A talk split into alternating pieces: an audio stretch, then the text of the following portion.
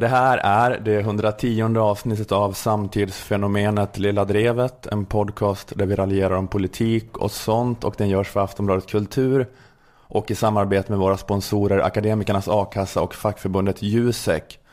Vi som gör Lilla Drevet den här veckan är jag, Ola Söderholm samt Nanna Johansson och Liv Strömqvist. Hej! Hej! Bilden stämmer nu. Bilden som är på Acast och så. På, Just det. På, ja. När, vi, när det ser ut som att vi är med i någon sån eh, romantisk komedi. Ja, just med det. rosorna där. Och så. Två tjejer och en kille. Skulle, skulle den kunna heta. Och jag håller i en ros. Vem ska jag ge Vem ska rosen till? Exakt. Jag håller till och med en bukett, eller? Nej, vi hade En bara ros. råd med en ros. Ja, men det är väldigt mycket The Bachelor över den bilden. Det skulle också kunna vara slu- sista, sista scenen i The Bachelor. När det, du ska, Bachelorn ska välja en. Precis. Istället för vem vill gifta sig med en miljonär så är det vem vill gifta sig med ett komikerfyllo som tjänar som en sjuksyra ungefär.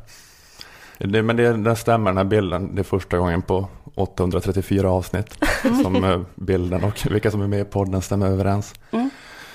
Ehm, ja, okej. Eh, Låt oss eh, sätta igång. Det var om den supervarma jorden i Aktuellt i måndags. Bara de senaste veckorna har vi sett översvämningar i Texas, Wyoming och Kalifornien. En enorm brand i Kanada där nästan 90 000 människor evakuerats. Och svår torka i Afrikas horn och södra Afrika. 49 miljoner människor hotas av svält. Ja, hörde ni den västcentriska nyhetsvärderingen? Jag hörde bara en helt underbar läsröst som jag kände att jag ville ha på ett avslappningsband. Du, du skulle kunna somna så gott till när hon berättar om apokalypsen med sin mjuka, fina röst. Nej, men jag, ehm, jag tänkte på den västcentriska nyhetsvärderingen. Först säger de, det har varit översvämning i USA och brand i Kanada. Ett gäng människor var tvungna att evakueras. Och 49 miljoner i Afrika kommer att svälta ihjäl. Mm. Eh, Men, men eh, det, poängen är då att eh, de sju senaste månaderna eh, har varit eh, den varmaste hittills. Ja. Varmaste april någonsin. Mm. Varmaste januari någonsin. Vill ni ha fler exempel? Varmaste november någonsin. Jag kan fortsätta i det Sen oändliga. man började Fyra månader till. kunna mäta hur varmt Ja, precis. Ja, ja, men eh, poängen är att det kommer mer och mer. Det blir varmare i världen. Det är som Game of Thrones fast tvärtom. The summer is coming. Jag försöker. Kom igen kids. Häng med på det här nu. Det är så. Det, är som de, det, det kommer söderifrån, eller hur? Det är nog sådana. Just det. Det är inte, det är, vad är det, firewalkers är det som kommer. Ja, skitsamma. Men det kan, jag tänkte det kanske är därför det är populärt med Game of Thrones. För att det är en, eh, Klimatförändring. Ja, att det, ja precis. Att det Det är nog bara du som tycker att of Thrones är bra därför. Jag tänker att det är en sån bra metafor för det här att vara människa idag. Att det är något som ligger som en filt över allting. Att alla håller på med sina vanliga problem och intriger. Men så är det det där då. Vädret. Ja, winter is coming. Jag menar att, att det är något som ligger över allt. Att allt kommer ändå fucka ur snart. Jag har aldrig sett Game of Thrones. Så jag bara sitter här och tittar på er som att eh, jag hänger med. Om det är Mm. okej. Jag kan bara säga det, om det är någon eh, kulturjournalist där ute som vill ha ett uppslag till en essä. Så får ni det här av mig nu. Att det är för att det fångar känslan av hur det är att vara människa i vår tid så bra. Ja, det är väldigt starkt. att du bara ger bort det.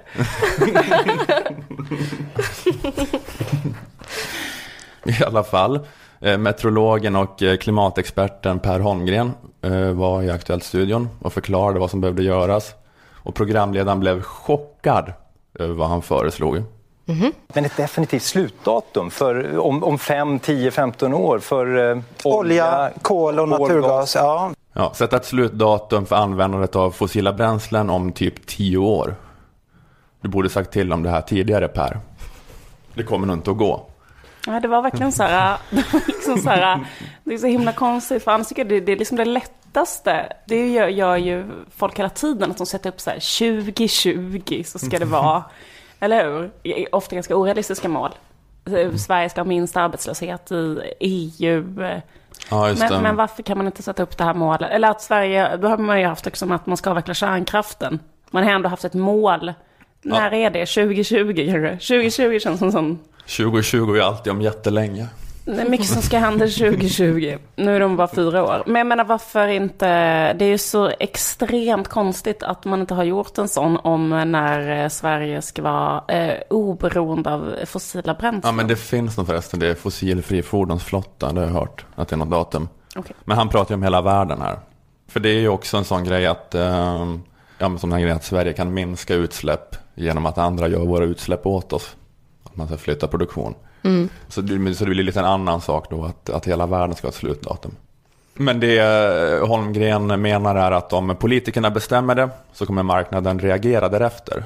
Eh, och då kan det gå snabbt. För det som händer då det är att framförallt finansmarknaden börjar flytta över alla sina resurser och verkligen bara investera i det förnybara. Och alla pengar börjar plockas bort ifrån det fossila. Vi kan jämföra det här med ozonhotet som vi hade för vad det nu är, 25 år sedan.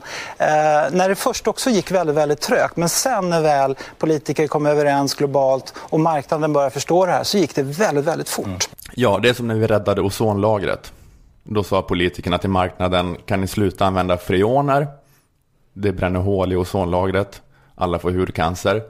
Så när ni bygger era kylskåp kan ni istället för freoner använda fluorkolväten. Det blir exakt lika bra kylskåp. Bränner inte sönder ozonlagret. Och marknaden bara, ja visst, whatever. Det kan vi väl göra. Och det är då samma som att begära av världskapitalismen att kan du sluta med allt? kan du sluta med fossila bränslen? Sluta med det som är ditt allt? Kan du bara begå seppuku? Alltså vi ska bara be den fossila ekonomin att sluta vara fossil. Be den gå emot sin inneboende logik och krympa till oigenkännlighet. Vi ska bara be marknaden att använda energin som kommer från vinden och solen. Alltså den energin som solen ger oss kontinuerligt varje dag. Använda den energin istället för att använda den där superduper koncentrerade energin som solen har jobbat och filat på i flera hundra miljoner år och som vi har bränt upp eh, på 200 år och därmed skapat en parentes i historien av sinnessjuk lyx. Solen gnetade och gnetade i flera hundratals miljoner år och byggde upp depåer under marken med den mest perfekt koncentrerade kolvätarna man kan tänka sig. Vi hittade dem, eldade upp dem på en sekund. Men det kanske blir härligt igen någon gång om hundra miljoner år då solen laddat upp det här batteriet igen. För de varelserna som lever på den här planeten då. De jävlarna kommer gotta sig. Få den där härliga känslan av eh, ekologiska päron från Nya Zeeland. Ehm, Men menar inte Per Holmgren så att om man skulle säga så här, det är förbjudet att åka bensinbil 2020, då så eh, skulle eh, Volvo eh, och eh, alla i, eh, eh, enligt marknadens regler, att lägga alla sina pengar på så här elbilar eller whatever. Liksom. Ja, men allt skulle liksom, alltså hela våra försörjningssystem som de ser ut idag skulle kollapsa. För att de bygger på att liksom den här rörligheten av kapital och människor som oljan driver. Vi kan, vi kan inte ha en så stor ekonomi utan det. Så att, eh, ja, ja, det, det, eh, så att, Det- det går inte? Det går inte. Okej. Utan det är mera, Källa. det är liksom, Vad tråkigt. det kan, det, kan de, ju- det kan de ju göra. Men allt, allt kommer krympa och bli mindre. Ja, okej. Mm. Och eh, vi måste mer kanske börja fundera på hur man odlar saker i Sverige. Det kanske snarare det man ska fundera på. Hur odlar man en rova? Inte hur liksom ska vi få ett eh, plan att flyga med hjälp av solceller. Det kommer inte gå. Ja, men jag vet inte, ja, men det är bara att det kommer ju ske eh, vare sig vi vill eller inte. Då att vi slutar med den superduper energin. För att den går inte att plocka lätt längre. Eh, Men, men det är bara svårt att tro att kapitalismen kommer tycka att det är en så här lättvindig grej att eh, byta från superduper energin till den vanliga jävla skitenergin. Att få den bara rätt incitament så byter den och det kommer gå lika smärtfritt som när de slutade använda freoner. Det exemplet funkar inte.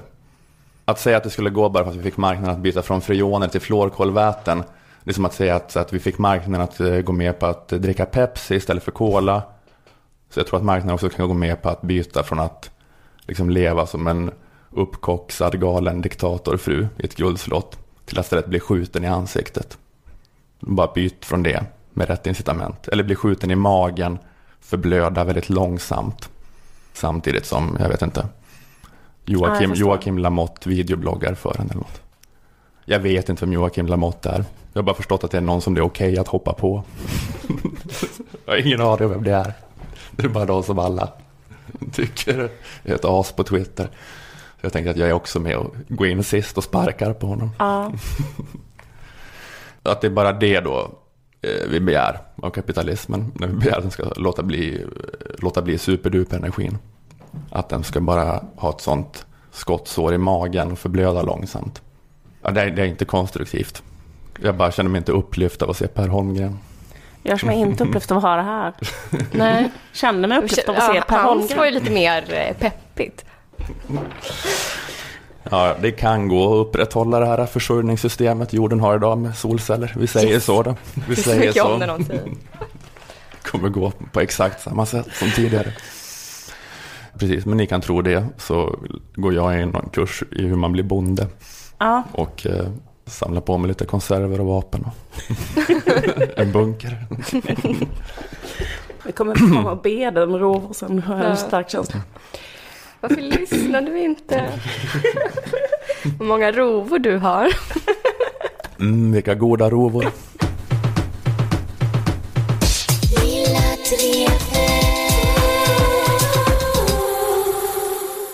Rapparen Henok Atshido har eh, släppt en disslåt om Adam Tensta. Eh, som heter Antitalang. Har ni hört den? Jag har inte hört den, men jag har hört om den.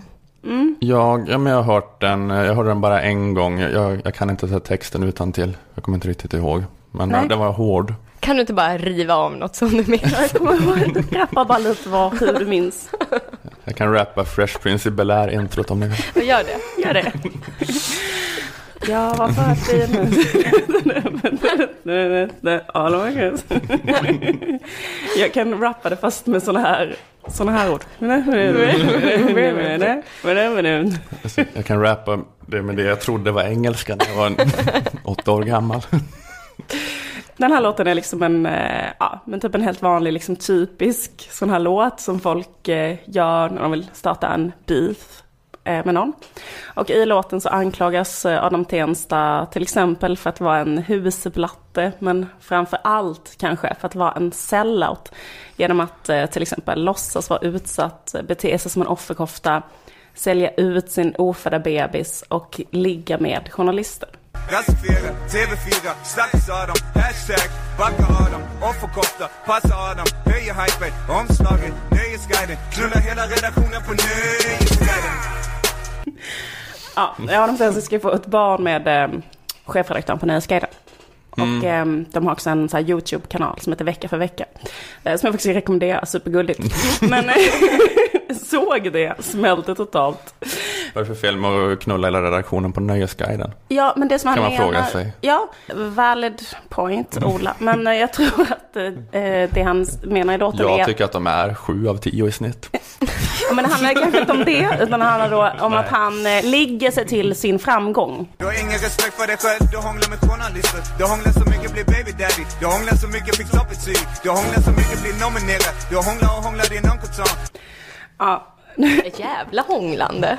Hånglar till sig toppbetyg, hånglar till sig en framsida. Hångla är också så oskyldigt. Man måste vara så jävla bra på att hångla för att liksom kunna få fördelar av det.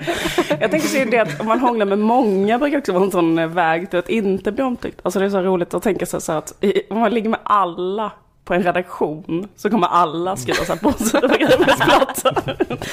Jag tror det är bättre att rikta in sig. Sig, Det är bättre som han har gjort, kanske rikta in sig på chefen bara. bara. Eh, hur som helst, eh, det allmänna snacket eh, kring den här låten i början när den släpptes var att det var väldigt tyst i officiella kanaler om den här låten. Um, alltså inte bara det att Adam Tensta och uh, Nyhetsguiden inte svarade eller skrev något om det här på länge. Men också att eh, ingen typ då hiphop-journalist eh, har skrivit om den här låten. Eh, Ahmed Beran säger eh, så här i morgonpasset i P3. Det som är det mest intressanta med den här grejen är att det har varit helt tyst från hiphop-Sverige. Och man märker verkligen hur tydligt det var när låten kom, när inte en enda typ så här hiphop, alltså så kallad hiphop-journalist eller bloggare eller poddare ens ville ta i den här grejen. Ja, och även eh, podcasten The Power Meeting Podcast är inne på det här spåret. Men, men sen så i alla fall låten kom. Ehm, och sen så har ju den mesta delen av tjafset handlat om att eh, vissa menar att folk, framförallt journalister, framförallt hiphop-journalister, inte har uppmärksammat det här, den här låten alls. Alltså att så här, den har släppts, folk har lyssnat som fan på Soundcloud, folk har säkert snackat i sina WhatsApp-grupper och messat och whatever. Men inga liksom officiella kanaler har egentligen kommenterat den. Och varför då? Och då, det han menar i låten är att så här, ja men det är den här buddy buddy världen och att Adam och I guess förlängningen RMH har liksom de har sina tentakler i media-Sverige och så därför vågar ing- ingen vågar ta upp det här. För att så här, alla känner de här man personerna. hade ju inte... Inga då officiella kanaler har kommenterat låten på Så nu grund... visar du hur få hiphoppare du känner på genom att liksom lyfta den här frågan. Precis. Hur få hiphopare jag har legat med. Eh, alltså inga officiella kanaler har kommenterat låten eh, på grund av, av att Adam Tenstas tentakler eh, i medievärlden och att alla då liksom känner de här personerna. Så det enda som då Henok Atchi då kan göra för att någon ska skriva om hans låt enligt den här analysen är ju då att själv ha oskyddat sex med olika kvinnor som jobbar på Nöjesguiden. Och det tycker jag bara är en jävligt sjuk situation för Alltså, enligt vilken analys? Ja, men enligt den analysen, att så här, enda sättet att komma med i Nöjesguiden och ha en framsida och sådana saker, eller att någon ska skriva om ens låtar, är att befrukta människor som skriver musik. Att det har bevisats av att de inte skriver om den här? Ja, eller? just det. De skriver inte om honom för att han inte tillräckligt mycket har legat med dem. Eh, Ja. Och det tycker jag är en sjuk situation för hiphopartister i Sverige. Ska det vara så här? Och också för oss eh, Hänger konsumenter. inte riktigt med. Men, mm.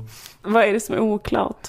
Om han är så här, ni skriver om Adam Tensta, han får jättehöga betyg och får vara på framsidan av tidningar, får vara med i TV4, för att han har legat med så mycket journalister. Och ingen uppmärksammar den här låten för att han inte har legat Och då, om ingen uppmärksammar den här äh, låten, måste betyda att han inte i tillräckligt hög grad har legat med journalister själv. Men eh, en väg för honom att få folk att skriva om den här låten hade ju varit att själv ligga med en journalist på Nöjesguiden. Så, så du menar sluta lipa, var en go-getter? Exakt. Som Adam Tensta? Just det. Eh, Men det är också en konstig situation tycker jag för oss konsumenter. Att vi inte då kan få läsa lite normal musikjournalistik om den här låten. Förrän Henok Atchi då har då befruktat någon som jobbar på Nöjesguiden. Mm. Det kan ju ta hur lång tid som helst. Man måste pricka in så ägglossning och bla bla bla bla bla. Så vi konsumenter måste nu liksom hålla på och vänta in Nöjesguidens journalisters ägglossningscykler för att kunna få den här bråk-recapen som vi väntar på. Ja.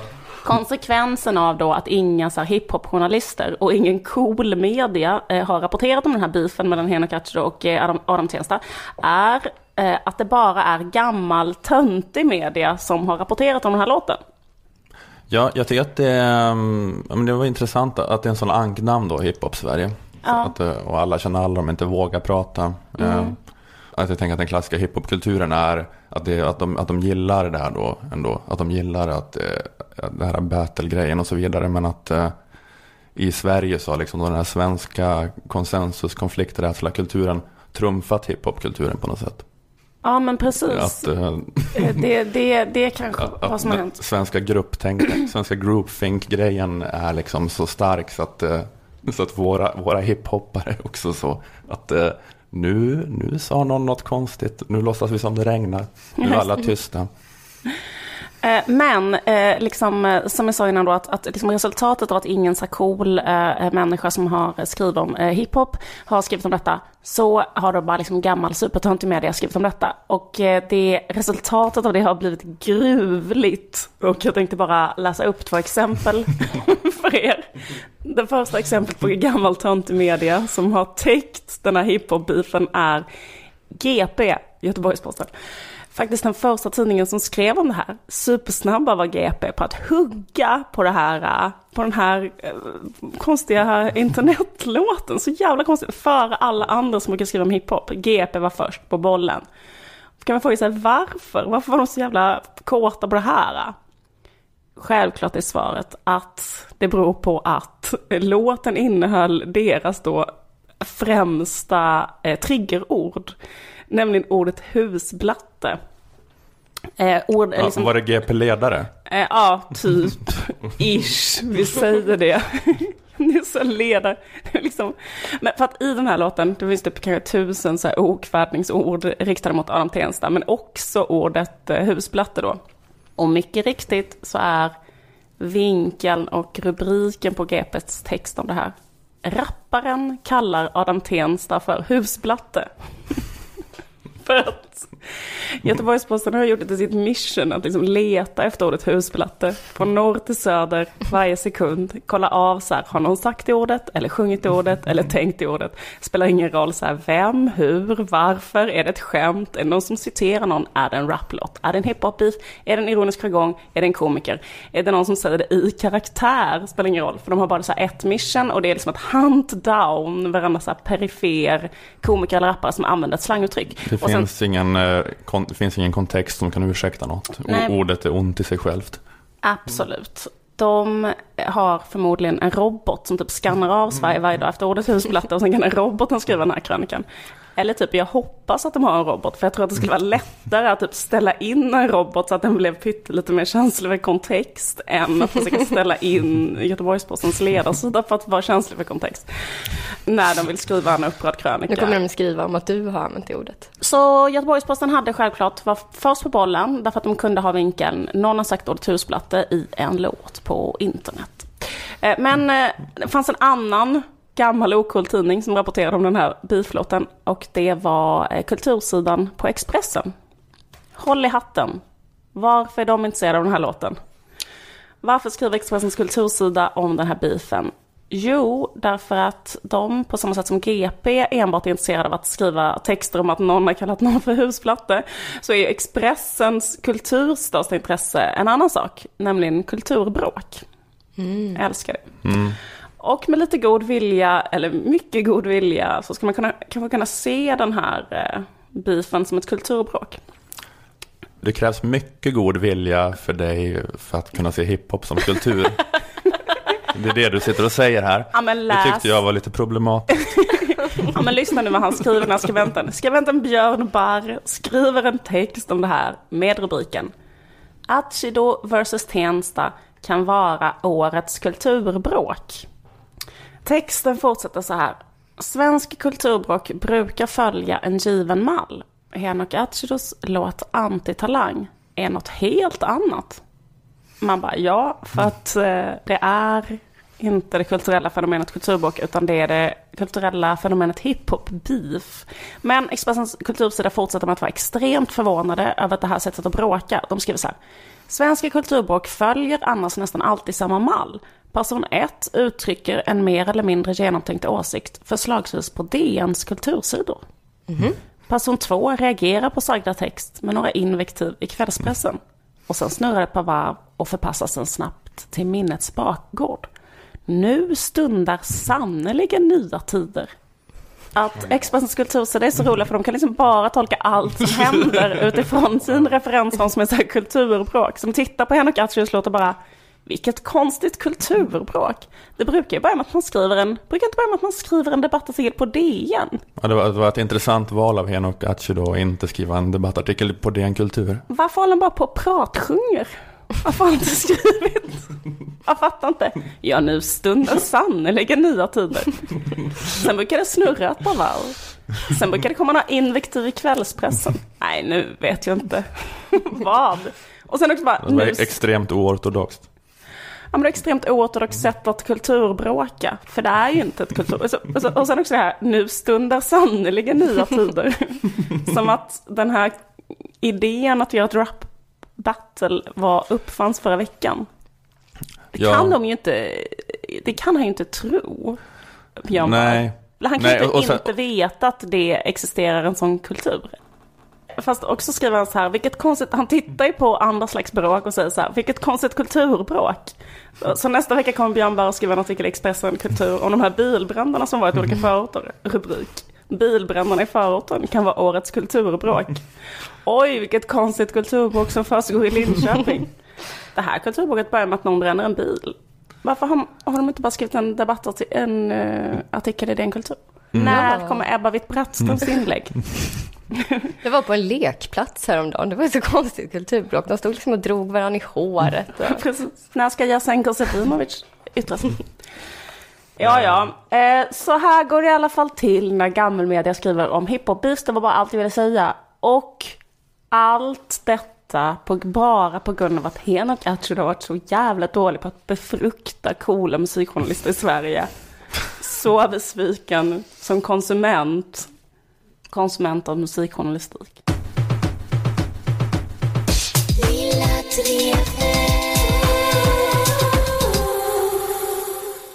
Vi vill tacka våra sponsorer som är med och gör den här podden möjlig. Eh, dels Akademikernas A-kassa som varit med och stöttat Lilla Drevet från början. Men nu har vi då även med oss fackförbundet Jusek. Akademikernas A-kassa är för alla er som är eller är på väg Head over to Hulu this March, where our new shows and movies will keep you streaming all month long. Catch the award winning movie Poor Things, starring Emma Stone, Mark Ruffalo, and Willem Dafoe. Check out the new documentary, Freaknik The Wildest Party Never Told, about the iconic Atlanta Street Party. And don't miss FX's Shogun, a reimagining of the epic tale, starring Anna Sawai. So, what are you waiting for? Go stream something new on Hulu. Att bli akademiker. För dig som har eller är på väg att ta 180 poäng alltså. Eller 120 poäng om du är så gammal som jag är till exempel. Så att du pluggade under den gamla, det gamla förr i tiden systemet. Eh, att vara med i Akademikerna kostar bara 100 kronor. Ungefär vad en liten mjölk kostar, tror jag. 100 kronor i månaden kostar det att vara med i Akademikernas. Eh, och då kan du få upp till 20 000 kronor när du är mellan jobb. Läs mer på aia.se om hur du gör för att gå med. Eh, gå in på väljaakassa.se för att ta reda på vilken a-kassa som passar dig. Eh, Akademikerna har även konstruerat en räknare där du kan få koll på vilken a-kassa du skulle få om du blev arbetslös genom att fylla i din genomsnittliga månadsinkomst senaste året. Så räknar räknaren ut det. Eh, AEA snedstreck räknare för att komma till den. Jusek är som sagt med oss också. Och Jusek är fackförbundet som organiserar stora delar av akademikerarbetskraften. Eh, Är du samhällsvetare, ekonom, kommunikatör, jurist eller jobbar inom HR och IT ska du vara med i Jusek. Vad är HR? Det är personalvetare va? Human relations. Okej, okej. Och eh, varför ska man vara med i Jusek? Det mest ögonfallande skälet är den kraftigt förbättrade inkomstförsäkringen. Att vara med i a-kassan ger inkomstförsäkring på löner upp till 25 000 kronor. Eh, Men det är ju mindre än vad många eh, tjänar, särskilt inom Jusek-branscher. Men är du utöver a-kassan eh, också med i Jusek får du en försäkring som täcker löner upp till 80 000. Eh, du kan få alltså en arbetslöshetsersättning på 64 000 i månaden. Om du har tjänat 80 000. Det ska du ha gjort först. Eh, förutom inkomstförsäkringen så erbjuder Jusek massa annat stöd i karriären som rådgivning, seminarier, hjälp med CV och LinkedIn-profilen. En av de viktigaste tjänsterna är lönerådgivningen och Juseks lönestatistik. Jusek har kunnat mäta bland sina nyexade medlemmar att de som eh, aktivt använt lönestatistiken eh, och själva varit aktiva i löneförhandlingen och lagt ett eget bud, de fick 1500 kronor mer än de som inte gjorde det. Eh, Att vara med i Akademikernas och Jusek kostar 351 kronor. Är du redan AEA-medlem lägger du alltså bara till 251 kronor. Eh, Förutom vad man själv får ut av det så är det ju solidariskt, eller hur? Med alla andra jobbare, att vara med i facket. Alla som sliter för the man, vara solidarisk med alla som säljer sitt liv. Eh, Och solidarisk med den här podcasten. Just det. Skriv gärna i din ansökan om du tog steget och gick med i Jusek och eller Akademikernas a-kassa tack vare den här podden. Eh, Skriv också gärna i sociala medier under hashtag Lilla Drevet. Tack så mycket Akademikernas a-kassa och tack Jusek. Tack. Tack.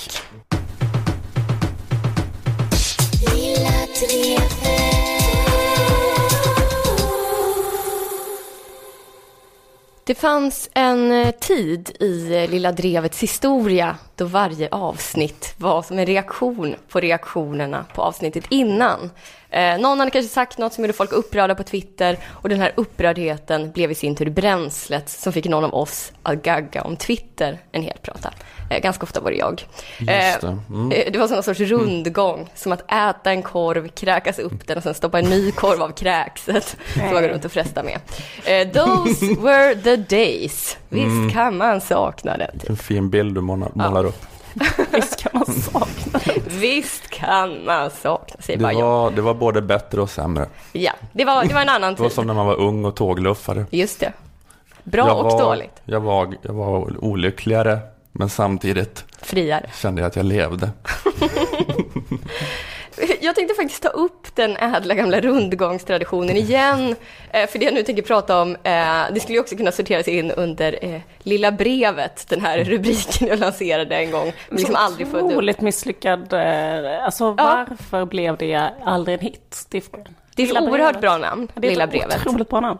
Det är väl ganska återkommande i den här poddens historia att vi har lanserat Vi många lanserar fasta, grejer. fasta vignetter som vi haft en gång. Ja, men nu är det i alla fall eh, Lilla brevet. Jag har ingen eh, jingel för det, för det hade vi väl aldrig. Nej. Ja, du ska göra Lilla brevet nu. Ja, det blir ungefär Lilla brevet. Eh, för det kommer handla om eh, respons från eh, lyssnare.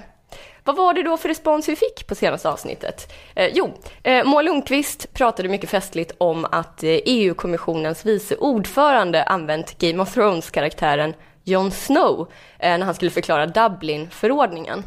Det hörde jag. Mm.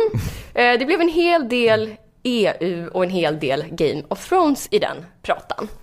Eh, men efter det snacket så har en lyssnare skrivit, penfightats lite med oss på Twitter. Eh, skriver det här är tredje gången nu, hashtag lilla drevet. Sluta spoila Game of Thrones. Sluta upp. Ät Moa Lundqvist, ät de tvingar mig, ät Ola Söderholm. Mm? Eh, sluta spoila, sluta upp, bara bara sluta, säger den här personen. Eh, och det är klart att vi skulle kunna sluta, men vi skulle också kunna prata lite om spoilers. Eh, Game of Thrones, serien kommer ut på måndagar. Eh, det hade kanske varit lite osnyggt att berätta handlingen i avsnittet redan på måndagen när nästan ingen hunnit se programmet. Men Lilla Drevet kommer ju som vi alla vet ut på fredagar. Eh, det finns ganska många dagar däremellan att hinna kolla. Om man inte kollat på Game of Thrones när Lilla Drevet kommer ut så värderar man ju uppenbarligen Lilla Drevet-upplevelsen mer än Game of Thrones-upplevelsen. Annars så skulle ju prioriteringsordningen se annorlunda ut. Eh, Så då tycker man ju att det är viktigare att höra Moa Lundqvist prata, eventuellt då om Game of Thrones, än vad det är att faktiskt se Game of Thrones. Eh, och en annan sak jag hakar upp mig lite på eh, i det här tweetet, det är att lyssnare skriver att det här är tredje gången vi spoilar programmet. Vi har alltså redan gjort det två gånger tidigare, eh, så då kan jag känna att om du då vet att vi har en gammal vana att spoila Game of Thrones, varför vågade du då lyssna på podden innan du såg avsnittet, din gamla toka? Lite tycker jag man faktiskt får ta ansvar för sin egen kulturkonsumtion och i vilken ordning man ser eller hör saker. Mm, nu har vi plockat isär den här personen. Fuck dig på Twitter. Nej. Jag vill bara inte höra de här, uh, de här klagan på det. Eh, för det har Jag ju blivit liknar någon slags... lite, ja, men förlåt, men jag tycker det liknar lite den här äh, filmen, alltså att man vill ha det som den här Goodbye Lenin-filmen. Att så här, jag vill titta på Game of Thrones avsnittet en vecka efter alla andra, så då vill jag att alla ska bygga upp världen som att det avsnittet inte hade Ja. sänts. Precis som de gör med den här mamman, att, att hon måste tro att de fortfarande lever i DDR. Att det är den typen av, alltså det är, det är väldigt mycket att kontrollera menar jag. Om man inte vill att någon ska prata om, om det i en podd. Det måste ju vara mycket så här, eh, egna bara vänner och bekanta som kan råka prata om det. Just det. Alltså det, är ett- det är ett jävla jobb att, att få folk att inte eh, Ja, precis. Och därför har det blivit någon slags liksom, spoiler-stasi som liksom blir oerhört hetska varje gång man råkar liksom nämna en detalj från eh, en aktuell serie. Men jag tycker att vill man ha en omelett så får man knäcka några ägg. Vill man ha ett aktuellt kultursamtal om aktuella serier så kommer det slinka in en och annan spoiler. Om folk då vill vara så vänliga att spoilervarna först så är det jätteartigt. Men jag tycker det är så vi ska se spoilervarningar, som en artighetsgrej. Men inget som man alltid kan ta för givet att alla omkring en alltid ska göra. Eh, ungefär som ett tackkort efter uppvaktning. Trevligt om man får det, om man nu är en gammal tant som bryr sig om sånt. Men det är liksom inget man kan gå och förvänta sig av sitt 17-åriga barnbarn Jeff. Att Jeff ska sitta där med tungan i mungipan, handen ovant krampande kring en blyertspenna och plita ner Tack käraste farmor för de varma vantarna. Är du Du Jeff? kan liksom inte gå och förvänta dig det, fiktiva tant i det här exemplet. Men i det här fallet så är jag väl Jeff. Du är Jeff och eh, fiktiva tanten är eh, eh, människor på Twitter. Mm. Jeff alltså. Men säg att jag skulle vilja prata om slutet i till exempel den här veckans Game of Thrones-avsnitt. Eh, då skulle jag ju kunna vara artig och säga eh, spoilervarning, spoilervarning, tuta en sån tuta liksom. Eh, avsnittet slutar med en jättestor eldsvåda. Eller ska jag bara säga avsnittet slutar med en jättestor eldsvåda. Eh, det är faktiskt lite upp till mig hur artig jag vill vara och det är upp till er att ansvara för att titta klart på avsnittet innan ni lyssnar på folk som kan tänkas prata om avsnittet. Särskilt om det är vi återfallsförbrytarna i Lilla Drevet som redan har spoilat avsnitt för er. Hur vågar ni lyssna på oss innan ni har kollat? Det är som det gamla uttrycket. Fool me once, shame on you. Fool me twice, shame on me. Fool me thrice, super shame on me. Man skulle kunna göra kanske en, eh, någon slags remake på Goodbye Lenin. Göra en sån film då man har en, en person som man försöker, han ska fort, få fortsätta leva i en värld där Jon Snow inte har återuppstått. Just det. Bygga upp liksom en sån lägenhet med liksom anställda som går runt så här. um, Jon Snow är ju död, ja jag vet. Eh, nej men det, det var väl allt jag hade. Jag vill inte höra mer klag över att man spoilat något, men gärna ett enkelt tack de gånger man varit så vänlig att spoilervarna först. Det lilla ordet tack. Det kan vara så svårt.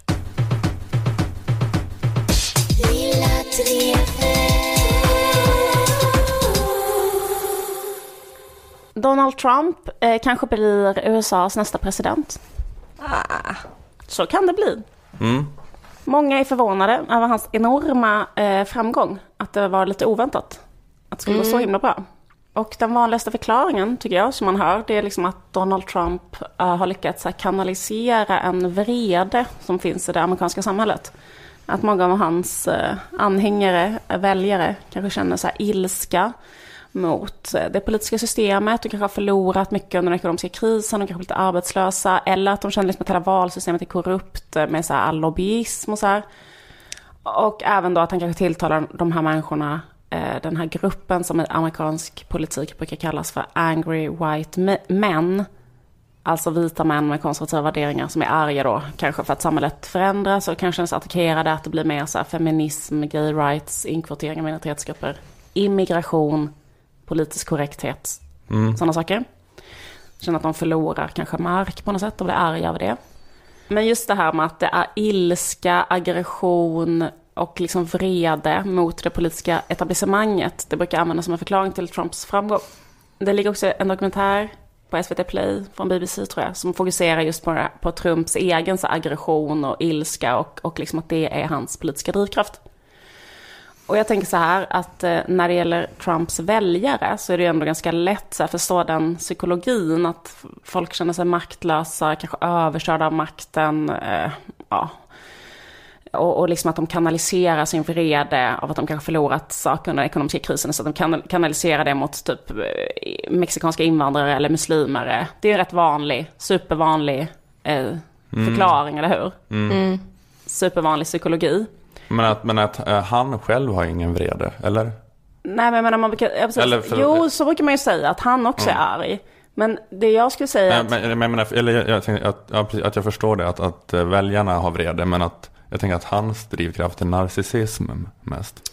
okej, för jag skulle komma till en annan eh, förklaring. För jag håller med om det där, att jag tycker det känns som att man kan förstå det, alltså, den psykologin bakom att väljarna är så. Men när det gäller Trump själv så är det svårt att förstå utifrån hans, eh, alltså varför är han arg? Alltså han är ju inte överkörd av någon i det här politiska systemet. Eller hur? Han är fruktansvärt framgångsrik. Alltså han äger ju så hälften av alla byggnader i New York. Varför är han då jätte, jätte arg på mexikanska immigranter? Svårt att förstå psykologin. Men eh, så har jag lärt, ja just det, narcissism skulle man kunna säga, men ja just det, narcissism, jag vet inte riktigt. Alltså han hade inte heller, om han var bara narcissist så skulle han inte heller behöva vara så aggressiv, aggressivt negativ mot till exempel muslimer eller Nej, det, det, är kanske, eller... det bottnar kanske i en egen riktig känsla också. Ja, men, ty- men det, det är väl att han märker att det är effektivt, men det är att, samtidigt också. Men det kanske också är hans egna eh, känsla för det. Ja, precis, men då tänkte eller jag har läst en del texter och sett vissa människor som har uppmärksammat en annan väldigt så fundamental känsla som eh, Donald Trump drivs av. Och den känslan är äckel. Just det, det har, det har jag också Mhm. läst faktiskt någon text om. För att eh, Donald Trump säger hela tiden att saker är äckliga. Eh, Vi kan lyssna på några exempel. Det finns en sekvens där han och Hillary var på en paneldebatt och eh, så var det en liten paus och då gick Hillary ut och gick förmodligen då på toaletten och sen kom hon tillbaka i pausen. Och när hon kom tillbaka så sa Donald Trump så här. I know where she went. It's disgusting. I don't want to talk about it. No, it's too disgusting. Don't say it. It's disgusting. Det var ändå ett skämt, eller? Ja. Men han har toalettfobi. Det är också en sån grej som är, alltså han har basilskräck och så gillar han inte att trycka på hissknappar. Nej, men det gillar inte jag heller. Gud vad Nej. jag kan relatera till det. Ja. Och eh, han eh, hatar att han måste skaka hand hela tiden. Ja, Ja, just det. gud, ja, jag, är, jag är med. Var lägger jag min röst? Ja, precis. Men det, är- det är en sak, det här är en ganska vanlig grej, just det där toalett, eh, basil, hand, men det går vidare till väldigt många andra saker. Eh, För typ en månad sedan så pratade Donald Trump om John Kasich, alltså den här eh, andra republikanska presidentkandidaten. Och då sa Donald Trump så här. Now you look at Kasich. I have never seen a human being eat in such a disgusting fashion. This guy takes a pancake and he's shoving it in his mouth. He's like, It's disgusting. Do you want that for your president? I don't think so. Så roligt att han måste svara själv. Do you want that for your president? Hinner inte vänta på svaret. I don't think so. Eh, och eh, det har tagits upp ett annat exempel där eh, en advokat som heter Elisabeth Beck eh, berättar om en gång när hon hade ett möte med Donald Trump och hon hade då en eh, tre månader gammal bebis som hon hade i, i ett annat rum eh, passad av någon under tiden hon hade möte. Och sen så sa hon att hon måste ta en paus för att hon måste gå ut och amma den här bebisen. Och när hon sa det här, att hon måste amma en bebis till Donald Trump, då hände det här enligt advokaten Elisabeth Beck. Donald Trump did not agree to the break. He had an absolute meltdown. Uh, when I said that I needed the break and it was for breast pumping purposes, he got up, his face got red, he shook his finger at me, and he screamed, You're disgusting, you're disgusting, and he ran out of there. Han är så himla perfekt så här, mobbare. Han, det är den här... Ja, Ja, men det där kän- Någon har inte duschat efter gympan. Ja men, det är, ja men exakt, för det är det man, alltså, man mest minns den här jargongen ifrån. Alltså att gå typ på låg och mellan och högstadiet kanske just att allt var ofräscht och allt Mm. var äckligt. Och att det fanns någon sån ledare som kanske var den som var känsligast för vad som var äckligt. Och liksom så här höll alla i någon sån strama tyglar. Att du är ofräsch på något sätt. Och så här, pyttelite flottigt hår har någon liksom, du är äcklig. Mm. Men att han är en sån som är så, har någon så här begåvning för att hålla på och peta på svaga punkter. Att, jag, att det, det känns så nästan läskigt bara att jag, alltså bara när jag ser så här Hillary prata, att jag kan redan så här ana vad han kommer börja hugga på liksom med hans så här mobbarnäsa. Att det kommer bli fruktansvärt.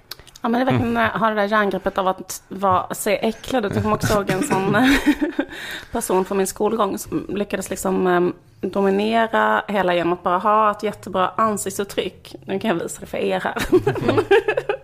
ja, men bara att se så här jävligt så här. Typ, man ser ut som att man säger you. Så här, man säger inte det men man har hela tiden det ansiktsuttrycket. så här, som att man bara sitter och här, tittar på alla hela tiden med det ansiktsuttrycket. Och hon var, alla var så himla liksom rädda för henne. Alltså hon, hon var så otroligt populär. Mm. Och så satt hon bara och kollade på alla på det där sättet. Och eh, på det sättet kunde hon hålla liksom en skola så här, ett järngrepp. Att alla ville liksom inte att hon skulle titta på henne på det där sättet. Som att så här, öh vad äcklig du är. Just öh, öh. I alla fall. Gud vad taskigt. Är det också ett tips om man vill dominera? Ja, ja men, ja, men det är den där, uh, du är så jävla onormal. Jävla onormal du är. Men eh, det är ju liksom en, eh, det finns ju en sån där idé kring eh, vilka som är mänsklighetens eh, grundkänslor. Så finns det typ så kanske fem, eller det finns, alltså vissa sätt är 13, vissa sätt är fem, whatever, liksom. Som alla människor har alltså från att de är bebisar. Och typ äcklad är ju en sån känsla som man har från man är Mm. bebis. Liksom. Och det är väl för att man ska kunna överleva Eh, Alltså att, man, alltså att det är en evolutionärt eh, viktig egenskap. Alltså att man inte ska så här, äta bajs. Typ. Mm. Alltså, eller liksom att man inte ska Mm. bli smittad då kanske sjukdomar. Eller att man ska för det finns liksom forskning som visar att eh, konservativa människor är mer äcklade. Alltså man kan vara äcklad, också moraliskt äcklad. Alltså så att man blir kanske äcklad av homosexualitet, eller man blir äcklad av, eh, alltså man blir äcklad av saker som inte är likt en själv. Mm. Och det finns också vissa saker som, ehm, Jag har läst en bok eh, som heter The Righteous Mind av Jonathan Haidt som handlar om varför, alltså hur typ liberals och conservatives tänker. Eh, och den är, ja, den har verkligen sina brister men den är också på ett sätt jätteintressant. Men den handlar, ja, men den handlar mycket om det där just att eh, när man gör sådana bara psykologtester så är det just att de, har en, eh, att de är känsliga för eh, att eh, de har ett sånt moraliskt sinne för liksom så här helighet och smuts på ett annat sätt. Människor som Mm. är mer konservativt lagda, att det här är heligt och det här är liksom, kan inkräkta och skapa en känsla av äckel. Ja men tydligen så finns det också någon folk som forskar om rasism. Alltså, det är också väldigt så här, det är lite flummigt för det är biologiska förklaringar. Men alltså varför rasism finns rent evolutionärt. Att eh, eh, det kan ju tänkas att människor som var rasistiska skulle typ ha dött ut snabbare än andra och därmed Mm. skulle rasism ha som egenskap ha försvunnit därför att så här, det måste ju vara bättre typ, att kunna samarbeta med vem som helst och bla bla. Men eh, då eh, i alla fall att, att det kanske ehm, att, att människor då eh, har, att det är den här grundkänslan äckel. Därför att människor som eh, känner eh, mycket är väldigt lättäcklade. Har också då enligt undersökningar visat sig tycka mer om människor som är likadana som de själva. Och eh, har haft lättare att känna, känna sig äcklade av saker som, eh, alltså ja, exempelvis då andra människor från andra länder, kanske andra eh, ja, människor med andra sexuell läggning eller människor som ja, de inte kan förstå. På något sätt. Och det kanske från början då har varit så här, eh, de blev så eller utvecklade den grejen för att inte få sjukdomar eller något sånt där. För att det var liksom, eh, om, man, om man var livrädd för, för, för att röra vid främmande saker så kanske man inte blev lika sjuk. Och det är därför de fortfarande lever e- i evolutionen. Ja, alltså det har väl varit jätte, det har väl varit jätteevolutionärt viktigt ändå det där med äckel. Att, eh, att man liksom eh, ja, är för, lite försiktig bara helt enkelt. Ja, just det. Och inte, inte stoppa vad som helst i munnen och eh, jag vet inte, är, är rädd för saker. Ja, just det, precis. Men man skulle också kunna tänka sig att eh, det måste finnas en balans mellan att eh, kunna typ Mm. samarbeta och interagera och fungera, bla bla bla, måste ju vara evolutionärt eh, jättebra också till- eller liksom så här. Ja, men, ja precis. Men, det, men det är väl, jag vet inte, det är väl att, det, att båda sakerna kanske har varit nödvändiga liksom, för att skapa så här, fungerande grupper utan människor som klarar av att överleva. Att man varken är för liksom, inåtvänd eller utåtvänd på något sätt. Men jag undrar om den här WASP-gruppen i USA kan vara en sån evolutionär rest, en sån evolutionär rest som har haft extra mycket av den här äckelgrejen. I alla fall, men Trump, eh, alltså jag bara tyckte det var intressant att tänka att här, om man tänker på så här, det är en grundläggande drivkraft som är hans, alltså om man kan ha typ Eh, vilken grundläggande drivkraft man kan ha för liksom sitt engagemang. Om det är så här, eh, jag är heligt förbannad eller typ jag älskar världen. Eller man kan tänka sig olika så här, in- inte bara, eller jag är rädd för olika saker typ. Eh, som, som får en att handla politiskt. Eh, och att jag tänker att Trumps sådana där grundläggande, hans eld består i att han känner sig så här äcklad av eh, samhället typ. Ja, men jag tänkte att vi, vi, eh, vi vet nu att Trump blir då äcklad av toalettbesök, folk som äter äckligt och folk som ammar. Men jag tänkte att vi bara skulle kolla lite så vad han tycker om andra saker. Reportrar till exempel, vad tycker han om dem? Disgusting reporters, horrible people. Ja, och vindkraftverk, vad tycker han om dem? disgusting windmills. Och Rosie O'Donnell, vad tycker han om henne? Well, Rosie O'Donnell's disgusting. I mean, both inside and out. Och designen på byggnaden Freedom Tower, vad säger han om den? And it's a disgusting design. Disgusting design Men det konstigaste jag tycker liksom vindkraftverk är disgusting. är det för att det kan vara så här rester av måsar på dem? Eller? Det är hans vanligaste ord, typ, att han säger så här, "Eh, that's disgusting. Det finns ju jätteroliga hopklipp eh, faktiskt om allt han tycker är äckligt. Det är så många saker. Okej, ja det finns sådana YouTube. Ja, precis. Och det är också så här, eh, men liksom det kunde jag ta med, men hur ofta han twittrar att saker är disgusting, det är också supervanligt. Han tycker att allt, alltså typ så här, Han, han twittrar alltid om så här, det var någon som, som hade varit med på tv, en man som hade så styva bröstvårtor som man kunde se genom hans tenniströja när han var med. Då var han så här, hur jävla disgusting det var. Sen bara, Bette Midlers disgusting, alla är disgusting. Jag vet inte, det var lite lättare att bara förstå honom tycker jag. Att han är liksom inte arg på så här mexikanska immigranter och muslimer och kvinnor, utan han blir bara äcklad av dem. Och på det bygger han sin politik. Han skulle kunna ha som slogan bara oh, Mm, mm. Och alla bara high five för den. Eller inte high five. Eh, nej men jag tänkte på det, man, när man pratar om unga arga män ska man borde prata om unga äcklade män. Men för, för det... Men jag tror att väljarna skulle kunna vara att de är arga. Men han tror jag inte är särskilt arg. Jag tror han bara tycker folk, att, det är, li- alltså folk, att det är äckligt liksom. Att det är äckligt med mexikaner typ. Ja, men det är en tes som drivs i den där Jonathan Haidt-boken, att vänstern, eller the liberals som de kallar dem i USA då, att de alltid har ett underläge i debatten. För att de har, deras moraliska sinnelag är mera så här bara begränsat till att eh, man skada eller inte skada och typ eh, jämlikhet kanske. men att då att eh, konservativa har också de, de grejerna som vänstern har, men de har också så här andra typer av moraliska sinnelag, eller hur man ska uttrycka det. Eh, som har att göra det här med då det här heligt och Rent oheligt, orent. rent orent, heligt och, och liksom häda. Och, eh, så att då när liksom vänsterpolitiker talar till folket så ja, de förstår, ja, de har, de har liksom ett underläge på det så vis. Att, att högern talar till människors hela moraliska känsla, hela spektrat. Men vänstern talar bara till delar utav det. Och det är det som gör att vänstern alltid har någon slags underläge. Men det är som att man, man ska diskutera dofter med en hund. Och den har så mycket större palett. Hundar har en större moralisk palett än vad Mm. socialister har. Det är det som är det här är kontentan utav det här.